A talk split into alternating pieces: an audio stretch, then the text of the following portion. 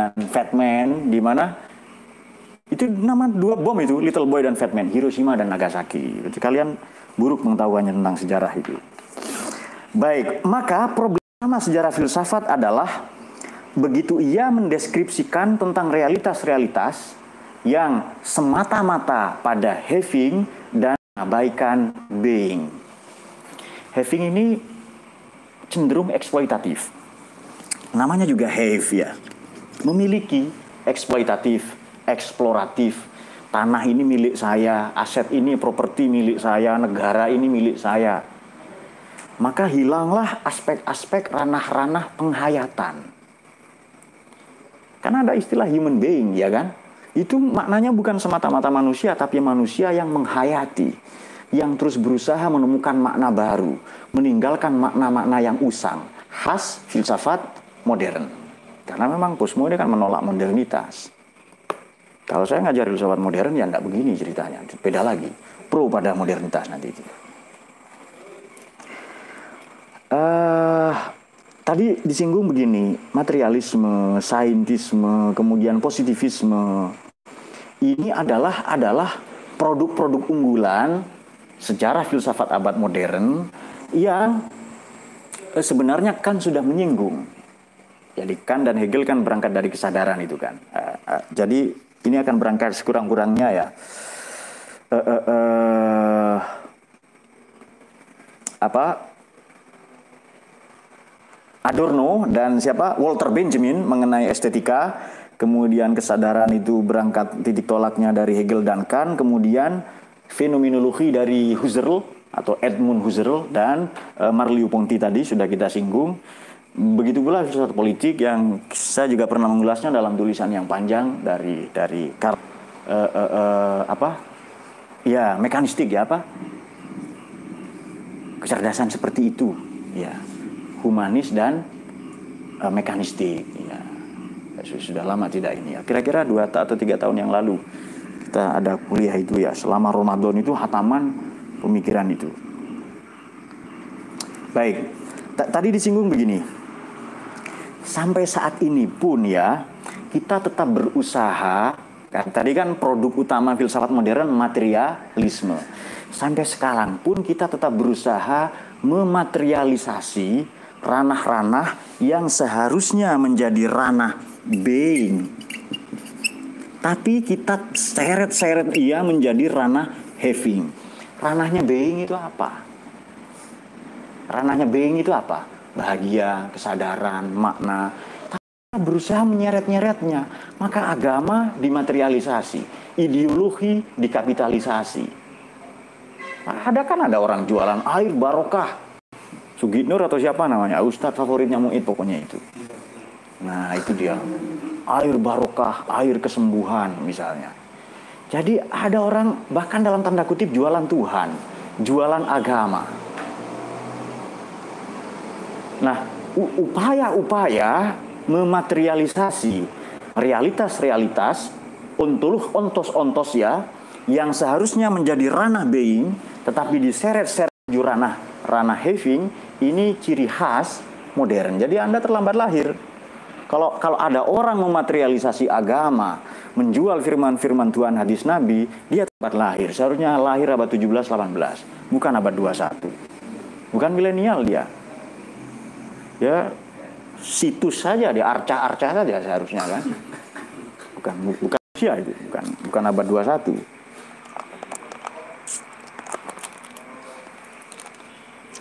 Uh, baik, sekarang kita oleh karena itu uh, uh, uh, filsafat fragmentaris ini, kajian mengenai ruang dan fragmentasi ini berusaha mengkaji ya, berusaha mengkaji menemukan mencari dulu kan untuk menemukan Anda mencari, mencari dulu. Berusaha mencari dan menemukan ruang-ruang hidup, ruang hayat, ruang penghayatan Kenapa? Karena memang kalau berangkat dari Martin Heidegger ya kan manusia tidak sendirian. Tidak seperti kajian dalam eksistensialisme kan. Jadi manusia tidak hanya tidak hanya uh, uh, uh, dasain tetapi juga mitsain. tidak hanya sendirian tetapi mengada bersama-sama. Jadi ciri manusia ada, sign in their world, being in the world itu berada di dunia ini dicirikan dengan berada dengan orang lain. Sementara eksistensialisme menganggap orang lain sebagai ancaman. Memang ada sih ya ilmuwan-ilmuwan, akademisi. Dalam tanda kutip berbuat dosa dia kan hanya onani di perpus dia kemudian tidak terlibat dalam kehidupan masyarakat itu. Disebut apa namanya uh, armchair pasukan yang berada di atas kursi saja itu. Nah, membaca buku ya.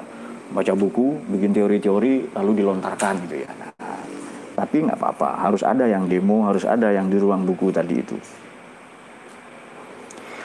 Nah, kenapa? Karena ruang hayat ini, ruang penghayatan sudah digerus oleh gelombang maha dahsyat, oleh tsunami luar biasa, oleh prahara yang tak terperi namanya modernitas. Jadi begini, manusia itu dianggap modern kalau punya HP, punya Android, punya eh, alat-alat transportasi, alat telekomunikasi. Kemudian e, dicirikan dengan mobilnya. Saya adalah kendaraan saya ini Ya, kita sudah ngaji Jean Baudrillard kemarin kan. Sehingga saya mobil saya ini, ya saya rumah saya ini. Saya adalah CEO. Saya adalah supaya keren lah office boy. Kamu adalah uh, uh, uh, cleaning service, nah, tukang bersih WC sebenarnya. Misalnya lah ya. Tapi dia uh, uh, menyifati dirinya, menisbatkan dirinya ya Memang kalau sulit dimengerti yogi langsung ngantuk. Itu biasa, khas filsafat itu. Tadi Iqbal lalu berpindah ke yogi itu. Biasa itu. Jadi filsafat fragmentasi ini atau kajian mengenai ruang dan fragmenta, fragmentasi ya, fragmentaris tadi itu berusaha menemukan makna, menggali, mencari dan menemukan makna yang tadinya sudah lenyap karena diterjang oleh prahara atau gelombang bernama modernitas. Baik, uh, berikutnya adalah deskripsi, kritik, dan dekonstruksi. Ini ada dalam bukunya Francisco Budi Hardiman ya, filsafat fragmentaris itu. Meskipun saya kurang sepakat dengan judul buku itu ya. Uh, juga menggagas manusia sebagai penafsir Tomasi Diajaya di perpus kita itu sempat ada. Seharusnya ya mungkin fragmen-fragmen filsafat saja, tapi tidak apa-apa lah. Itu tetap menarik untuk dikaji itu ya. Uh, baik,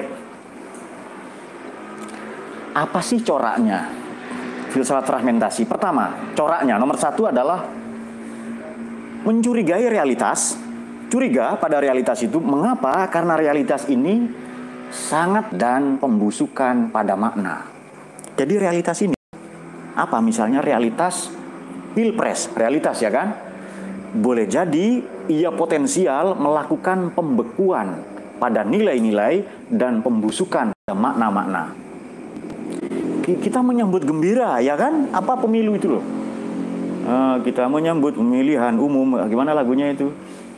Uh, pemilihan. Hadir bersama kita dan jomblo gimana lagunya itu?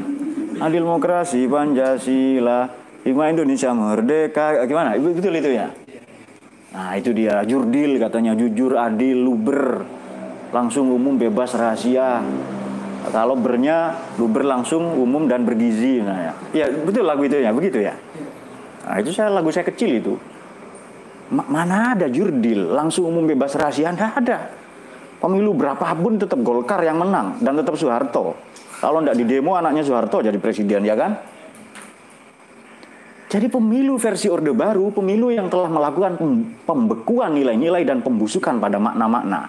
Ini yang berusaha diterabas yang berusaha diretas oleh filsafat fragmentaris atau kajian mengenai ruang dan fragmentasi, maka kajian ini penting banget ini.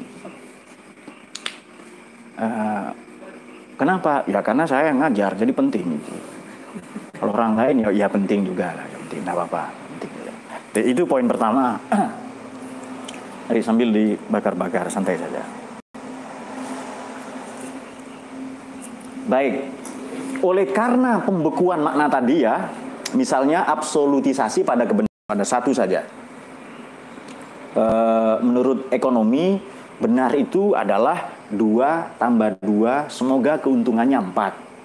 Menurut sosiologi, dua tambah dua mungkin, setelah berkelok-kelok, berbelok-belok hasilnya empat. Menurut agama, agama versi Indonesia ya, dua tambah dua hasilnya menunggu fatwa UI dan tergantung nanti demo kumpulan alumni Monas Limin 212. Nah, ya kan? Masing-masing punya kebenaran sendiri. Ini pembekuan dan pembusukan pada nilai-nilai dan makna-makna yang berusaha dibongkar dalam filsafat ruang dan fragmentasi. Sudah mulai paham kan? Sudah mulai paham. Itu cerdas itu. Jadi jangan berbicara sesuatu yang Anda sendiri tidak mengerti dan orang lain tidak paham. Itu. Nah kemudian, kemudian begitu ada realitas baru namanya 212 Wiro Sableng? Ya mau muter terus lama ini. Begitu ada realitas baru Wiro Sableng 22 mulai ada ayam 212 mulai ada mall 212 Sempak mereknya 212, Putang BH bermerek Spirit 212 kan? Terus itu nilai ekonomi, sosial, politik, ideologi, buku-buku, pasar-pasar, semuanya mereknya 212. Nah, caranya Anda harus berkata kepada itu ya. Ya, ya hello ya kan. Bonjour ya, bonsoir. Salut kepada 212 itu ya. Uh, baik. Untuk membongkar, yang kedua cirinya adalah membongkar makna-makna yang sudah terlanjur dimentalisasi oleh modernitas. Sehingga upaya ini juga kadang disebut demonumentalisasi makna.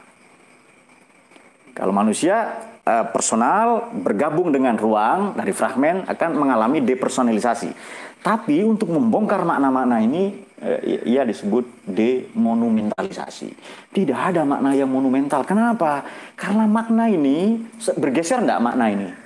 Bergeser. Sejak mula misalnya begini, uh, ketika mula-mula negara ini didirikan ia konsepsinya A, nanti bergeser, berkembang, demokrasi itu berkembang maka hilafah itu tetap ditolak. Konsep hilafah itu loh. Tawaran HT itu loh. Kenapa? Secara konseptual ya sudah salah. Basis teologinya salah, basis sejarahnya, historinya salah. Kemudian perkembangan sosial ekonominya salah itu. Dan ia hanya tumbuh loh diterima. Coba hilafah bawa ke Korut kalau tidak percaya itu. HTI ke Korut sana. Rudal sama Kim Jong Un ya kan bawa ke Saudi dihukum gantung gitu tapi di Indonesia ia tumbuh dan diterima oleh kaum cuti nalar di, di, itu negara demokrasi kan yang menerima itu di negara di korut ditolak jelas itu langsung siapa agen siapa? Felix Iyo Ismail Yusanto dicemplungin di kolam piranha itu langsung mungkin dicabuli dulu lah sebelum itu ya nah itu sebayangan tuh Dicabuli pemikirannya Nur. Anda kok ngerestok ngadinya ini. Waduh. Nah, eh, kenapa? Karena ruang dan fragmentasi atau filsafat fragmentaris ini ia terbuka pada kritik. Kan salah satu corak posmo itu apa sih? Membuka ruang inklusif terhadap the otherness kepada lian tidak menutup diri, tidak menutup diri. Uh, itu dia. Baik, kita mulai dari poin pertama, deskripsi. Deskripsi ini sudah jelas, ya kan pembahasannya tadi kan uh, deskripsi apa? Uh, deskripsi apa lagi? Kritik dan uh, uh, uh, uh, apa lagi satunya tadi? Dekonstruksi. Baik deskripsi, kritik, dan dekonstruksi. Deskripsi ini sudah jelas, pasti titik tolaknya berangkatnya dari fenomenologi. Kan kita bertolak dulu ke belakang dulu ke Plato ya. Ada noumena, ada fenomena. Jadi noumena ini alamul misal atau alam ide, dunia idea. Tapi yang fenomena ini alamul mazohir, dunia yang uh, jagat yang berubah-ubah uh, apa pasang surut, hilir mudik, silih berganti, patah tumbuh, hilang berganti, dan sebagainya. Yang kalau ada realitas, ini pasti satu realitas, satu entitas, satu quiddity, pasti ia adalah mimesis. tiruan dari alamul misal, alam idea tadi itu. Anda saya yakin sudah tahu karena pernah belajar ini. Nah, uh, uh, uh, karena berangkat dari teori fenomenologi atau filsafat mengenai fenomenologi, maka bagaimana menemukan ruang hayat, tadi sudah kita singgung, bagaimana menemukan ruang being, ruang makna, ruang penghayatan. Uh, kenapa? Karena ruang-ruang kita ini, coba sekarang ada nggak sih ruang publik itu? Oh ya, enggak apa-apa. Saya jawab tidak ada. Tapi sementara ada Anda nggak apa-apa. Uh, apa pun tema diskusinya, apa pun tema kajiannya, ILC TV One pasti narasumbernya Rocky Gerung. Itu bukan ruang publik. Bukan TV namanya itu. Ya, ya jualan, jualannya itu. Kita sudah pernah mengkaji ini di kuliah-kuliah yang dulu. Ada nggak begitu? Ustadz juga pertanyaan ekonomi rumah tangga, uh, politik, poligami, kemudian apa lagi? Moneter, akhlak, non akhlak, penceraian, uh, menyembunyikan cem-ceman misalnya itu. Semua bisa dijawab oleh Adi Hidayat misalnya. Tengku Zul misalnya, Bahtiar Nasir. Mana ada orang sesempurna itu, sehebat itu. Orang datang ke dari dari dari dari Baghdad ya, dari Basrah, datang 54 orang, uh, satu kafilah lah ya, membawa 54 pertanyaan. Itu Imam Malik, Imam Malik bin Anas, jangan sebut Imam Malik ya, Imam Malik bin Anas, pendiri masa Maliki itu. Itu minta waktu dua hari dan hanya empat yang dijawab. Kenapa? Buka takbir dulu, cari dulu di referensi. Jadi tidak langsung haram, halal, kemudian ceraikan, tidak langsung begitu. Itu makelar namanya makelar, bukan ulama, bukan bukan intelektual, bukan akademisi. Makanya tradisi tradisi bahsul masail ya di sebut saja NU misalnya itu sulit diterima oleh orang-orang di luar. Karena lama dulu, adu argumentasi, beda pendapat dulu lama. Produk-produk bahsul masail itu loh. Misalnya, misalnya, bagaimana sholat di Monas? Pendapat NU bagaimana itu? Sah, itu sholatnya sah ya, tapi sah tapi haram. Tidak diterima oleh ustadz-ustadz. Macam Tengku Zul. Apa, hukum apa ini? Jadi satu pertanyaan takbirnya halaman. Eh, literaturnya itu, maroji itu. Rujukannya itu. Kenapa saya berpikir begini? Kenapa sulit memahami fatwa itu? Produk hukum itu loh. Ya sholatnya sah. Kenapa haram? Kan menghalangi orang mau aktivitas ekonomi, mengganggu apa, negara mubazir mengeluarkan uang 150 miliar, mengamankan demo dengan modus sholat Jumat itu kan? Ya kan? Nah, kenapa sulit memahami itu? Nah, itu dia. Jadi memang uh, kita dibutuh untuk instan. Islam Nusantara haram, langsung haram itu. Mana dalil, ya kan? kalau kalau memang dalil-dalil lah itu. Nah, itu ciri-ciri seperti itu. Jadi siapa lah artis misalnya Tengku Wisnu tiba-tiba bok, tiba-tiba gondrong misalnya. Uh, lalu minta dalil, lalu auto ustad misalnya. Itu dai dai mal praktek itu. Hanya dengan memoles jenggot misalnya. Yang cuma lima lembar sampai lutut misalnya. Lima helai itu maksudnya. Tidak bisa, tidak bisa. Itu level mujtahid mutlak lo ya. Imam Malik bin Anas kita tahu siapa itu? Punya kitab hadis, karyanya banyak, mujtahid mutlak. Ada satu kafilah datang membawa 54 pertanyaan dari dari Baghdad, dari Basrah. Uh, datang kepada beliau ke Madinah itu, itu perjalanan sebulan itu. Lebih kurang. Tapi beliau hanya menjawab empat pertanyaan saja. Yang lain saya tidak tahu. Saya butuh belajar dulu ini. Tapi Ustadz sekarang halal, haram, buka Quran. Kemudian paragraf ketiga dari bawah di luar halaman saja. Juz ke-32 kan begitu kan. Seolah-olah dia punya orang dalam di surga. Pemilik kebenaran. Nabi saja diajarkan, Nabi diajarkan bagaimana oleh Allah itu. Tidak sepantasnya seorang Nabi menjawab, ah oke okay, besok saya jawab. Tidak. Dia pun harus mengucapkan insya Allah bahkan terhadap sesuatu yang pasti. Kita lewat ke kuburan itu ngomong insya Allah, ya kan? Doanya bagaimana itu? Assalamualaikum ya kubur atau ya dia muslimat antum bikum lahikun. Insya Allah kami nyusul kalian. Kita mati itu insya Allah enggak? Pas tapi kita ucapkan insya Allah itu. Nah, bahkan yogi saja dalam keadaan hidup kadang sudah mati duluan ya kesadarannya kesadarannya kan masukkan tangannya ke sarung nanti tidak ngantuk itu salah itu menghayal tok dengan menghayalkan jika itu tidak nah itu dia jadi uh, uh, uh, dunia hayat atau dunia penghayatan Lebenswelt dalam bahasa Jerman ya. Dunia penghayatan ini sudah digulung nyaris habis, ditenggelamkan, dihancurkan oleh modernitas yang ia berusaha kita munculkan lagi. Pendidikan ini kan seharusnya kampus lah katakanlah demikian ya. Kok sekarang jadi materialistik? Kok sekarang jadi pasar? Padahal ia ruang kudus, ruang sakral, ruang penuh makna. Nggak betul nggak itu? Seharusnya tempat pendidikan itu lembaga pendidikan, ruang kudus, penuh makna, penuh penghayatan, kaya akan nilai-nilai. Tapi sekarang pasar dagangan, jualan. Di samping jualan gelar, jualan ayam. Namanya ayam kampus, ya kan? Nah, ini langsung sepakat, langsung sepakat memang. Seperti itu. Uh, dunia hayat atau Lebenswelt tadi itu berusaha dihadirkan untuk membongkar realitas-realitas kering yang banal, yang dangkal. Apa sih realitas kering itu apa?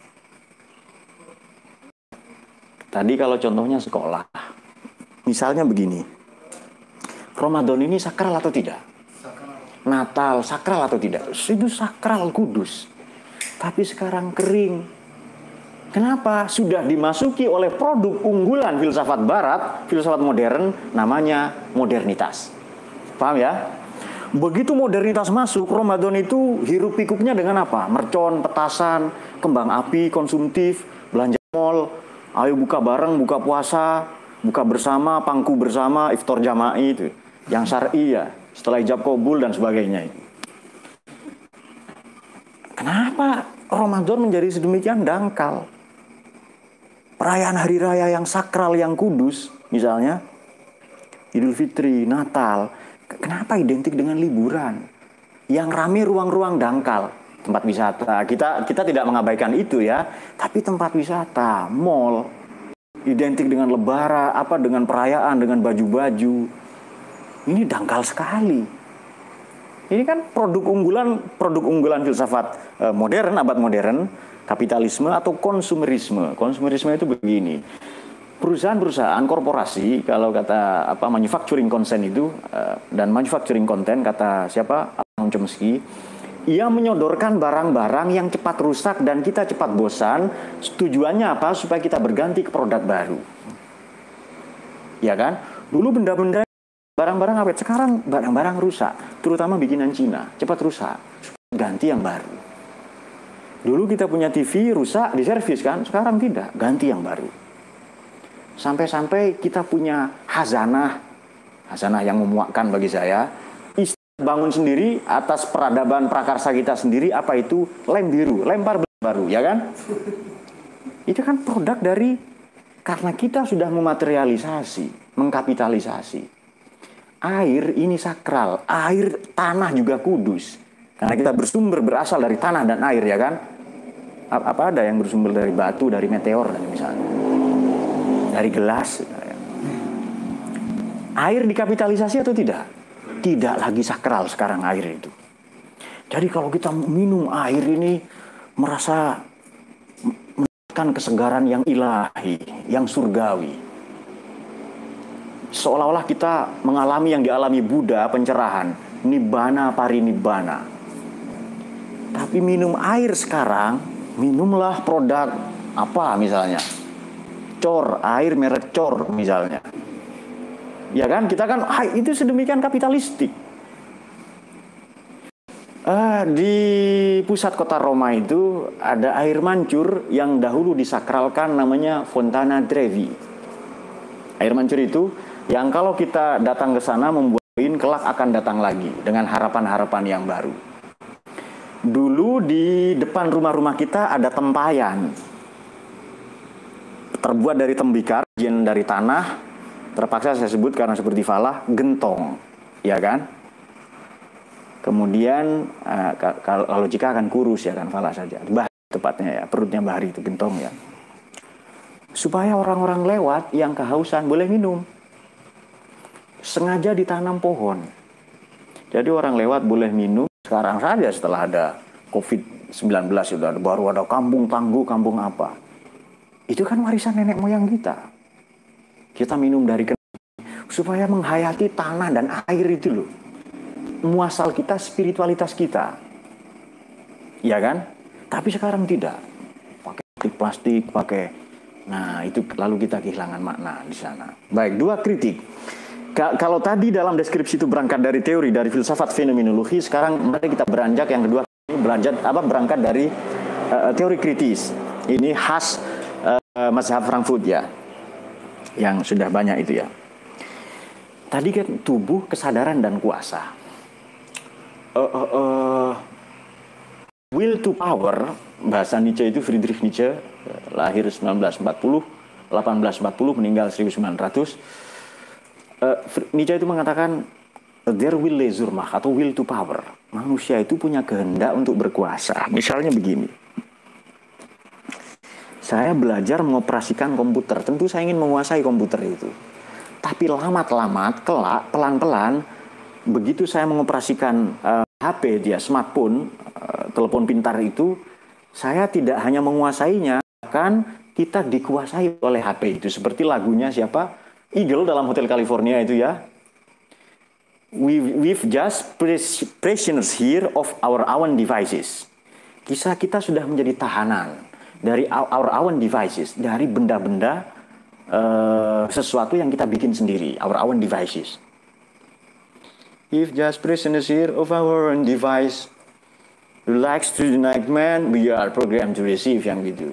You can check out anytime you like, but you can never leave yang begitu. Lalu ada main gitarnya. Nah itu dia. Uh, sorry Dayat ya lagu saya bukan kuplu-kuplu selera rendah itu sana. Kalau Dayat memang sudah kuplu sebelum lagu itu ada. Sebelum kuplu dia sudah kuplu dengan sendirinya itu.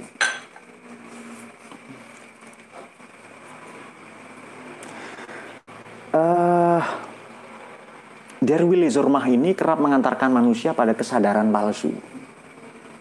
Pada kalau kalau pakai term-term yang kita ngaji Ramadan pada nafsu lawamah, pada nafsu ammaroh, kasirul amri lisu itu ya.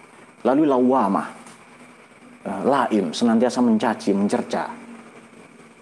Untuk sampai pada kesadaran yang sesungguhnya, nafsul mutmainnah ya, itu harus melalui beberapa tahapan-tahapan. Uh, namun demikian,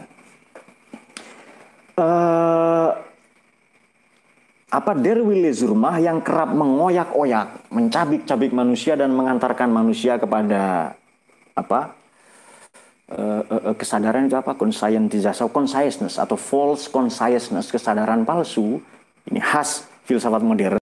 Kelak kelak manusia ini manusia tiba-tiba mendapati dirinya bukan lagi sebagai dirinya tapi benda-benda kekayaan, eh, pangkat-pangkat, jabatan-jabatan yang dimilikinya, yang ia sangka sebagai sebagai satu entitas murni, padahal eh, ia kepalan sama sekali.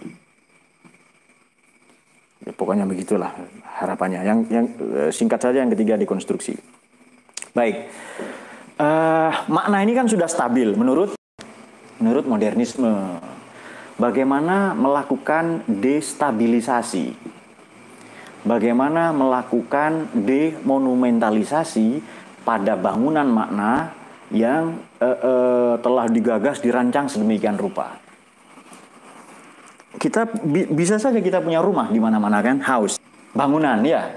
House ini kan bangunannya kan? Rumah, ada kamar-kamar, ruang tamu, living room, ada kamar, kemudian kamar mandi, kemudian ada cerita Abu Nawas ini biar nggak ngantuk, biar nggak ngantuk. Oh bukan, bukan Abu Nawas, Nasruddin Khoja Nah, uh, Nasruddin Khoja ini menyebarkan kartu nama bahwa beliau adalah arsitek, arsitek gitu loh.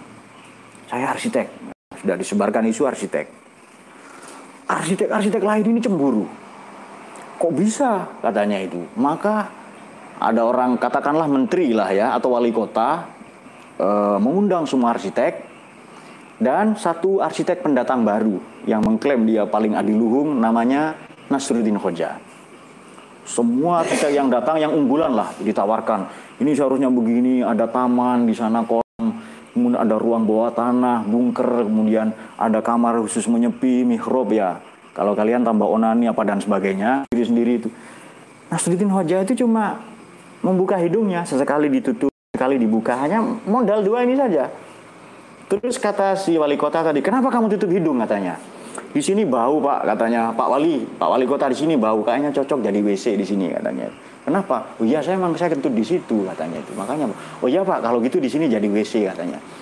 Jadi modal kepakarannya, ekspertisnya di bidang arsitektur hanya dengan dua jari ini. Iya kan? Wah kalau begitu maka sepakatlah para arsitek waktu itu. Memang anda arsitek yang hebat. Bagaimana? Tahu tempat ini seharusnya jadi WC hanya dengan dua jari itu saja. Jadi kok beberapa kali wali kota kentutnya di sini, ini cocok jadi WC ini katanya, ya, dan seterusnya. Tapi itu cerita hanya fiktif belaka ya, nanti silakan dicari sendiri. Baik, uh, uh, uh, tadi dikatakan begini, bagaimana melakukan pembebasan, destabilisasi, demonumentalisasi pada makna, pada nilai-nilai. Dikatakan bahwa makna dan nilai-nilai, norm and values, tidak mungkin ajak tetap konstan sejak mula ia awal ia dibangun, kemudian kemudian uh, uh, sampai mengalami pergeseran waktu dan pertukaran masa.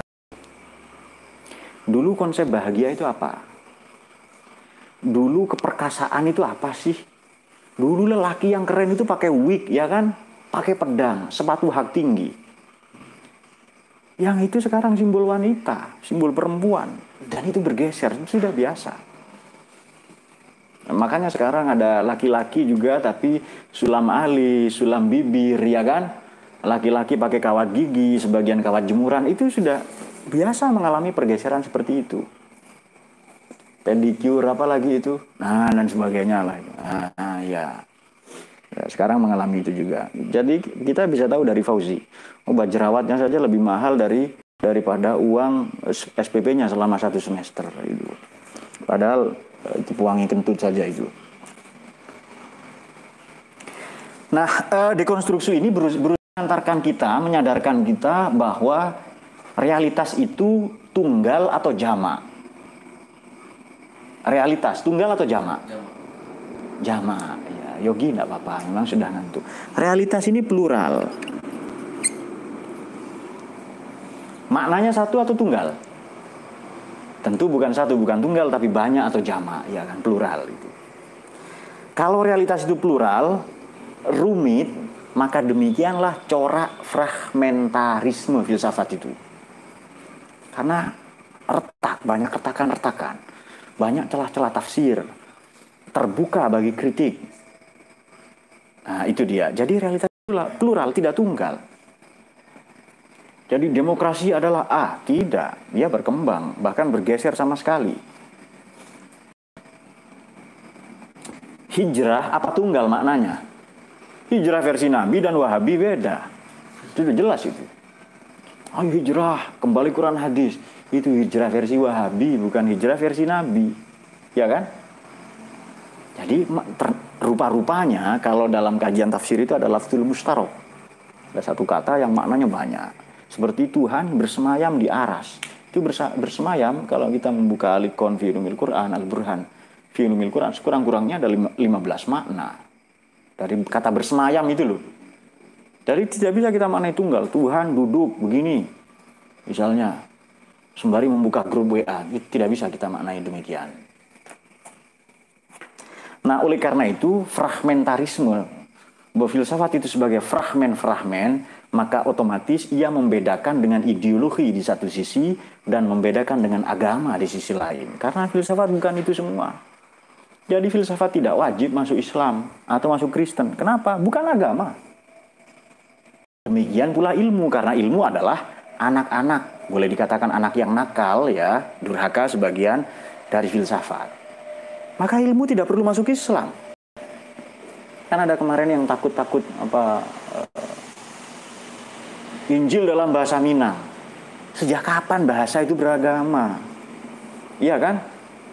Uh, kok ada Injil bahasa Minang? Sudah lama sebelum kan PDF yang terbaru saja itu suruh hapus oleh gubernurnya saja dari mana katanya dari Play Store katanya itu gubernur ngawur itu, itu pasti tidak pernah belajar filsafat itu padahal dokter atau apa dia kalau tidak salah itu psikologi tapi psikologi yang terganggu dan biasa itu itu sikap politik kepentingan politik gitu.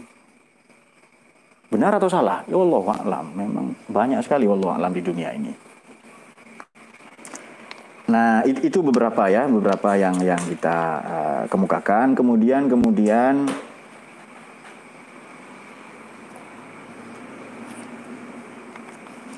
sebagai catatan penutup, jadi begitu filsafat ini tergoda untuk mencengkeram realitas secara totalitas, maka jatuhlah turunlah derajatnya menjadi ideologi, menjadi agama. Apa sebab? Sekurang-kurangnya kita bisa mengajukan dua alasan. Kita bisa kemukakan dua dua e, pendekatan. Pertama, pertama, e, filsafat ini kan ruang tanya, kecamuk tanya yang tak kunjung usai. Totalitas atau e, e, e, apa pemberhalaan pada kebenaran, absolutisasi ini sudah jelas ditolak sama sekali karena begitu absolut selesai Begitu absolut sudah selesai itu. Sudah saya sudah menganggap ini selesai. Maka iya bukan filsafat. Yang kedua, yang kedua, filsafat ini kan sebenarnya kritik. Kalau kalau tidak salah uh, Romo Magnus Suseno itu menulis buku filsafat ilmu kritis ya. Saya ikut kuliahnya tahun-tahun tahun-tahun sudah lama lah, sudah belasan atau puluhan tahun yang lalu. Uh, kritis ini cenderung tidak puas. Tidak hanya ya atau tidak, tetapi menawarkan sejumlah kemungkinan dan alasan-alasan. Kalau demikian, kalau demikian, segala bentuk monumentalisasi kepada nilai-nilai, kepada makna-makna yang khas filsafat modern itu, segala bentuk pemberhalaan dan pemutlakan pendapat yang khas itu, filsafat modern itu, atau materialisasi kapitalisasi kepada nilai-nilai yang seharusnya itu ruang penghayatan, ruang being bukan ruang having, kan ada memang ruang having ya, tapi ada ruang being, maka filsafat itu telah e, jatuh menjadi telah derajatnya menjadi ideologi. Nah, oleh karena itu beda orang yang ahli dalam filsafat, filosofi itu sendiri, dan kajian mengenai sejarah filsafat. Pertanyaannya, mengapa Apa pengetahuan semenarik ini tidak diajarkan di sekolah-sekolah dan diharamkan oleh para Wahabi, para Wahabi itu? Nah, tanya mereka itu ya, tanya Galileo itu. Demikian saya kira uh, jadi catatan penutup dari dari tubuh kesadaran dan kuasa ini mutlak ada dalam diri manusia. Maka kalau jargon uh, filsafat modern itu knowledge is power, ya pengetahuan adalah kuasa, kekuatan, Orang yang berilmu otomatis dia menguasai peradaban apa macam-macam bergeser. Kuasalah, kedudukanlah, jabatanlah, policy yang membentuk kesadaran kita bahkan bisa membeli pengetahuan itu. Sudah paham ya? Dulu knowledge is power. Pengetahuan adalah kuasa. Sekarang berbalik, orang yang punya kuasa. Karena ia punya wewenang, punya punya otoritas, bahkan punya lembaga-lembaga, alat-alat negara, kontrol-kontrol panel, apakah militer apa dan sebagainya, kebijakan-kebijakan di segala ranah, maka ia bisa mengontrol kesadaran melalui sosmed, melalui media, melalui televisi. Kalau di langit ada loh mahfud, di bumi ada media massa, media cetak, digital, internet dan sebagainya. Yang itu membentuk kesadaran kita semua. Jadi, yang kita pakai, yang kita konsumsi itu bukan kebutuhan kita, tapi iming-iming keinginan yang didesain sedemikian rupa oleh perusahaan-perusahaan, korporasi-korporasi. Yang kita makan, film yang kita tonton itu produk dari iklan semua. Kata siapa? Kata kata saya sendiri dalam buku Kondom Gergaji. Terbit dua tahun lalu. Tidak penting buku itu kecuali setelah Anda membeli dan membacanya. Sekian, uh, lo ya ila Mari kalau ada pertanyaan kita diskusikan.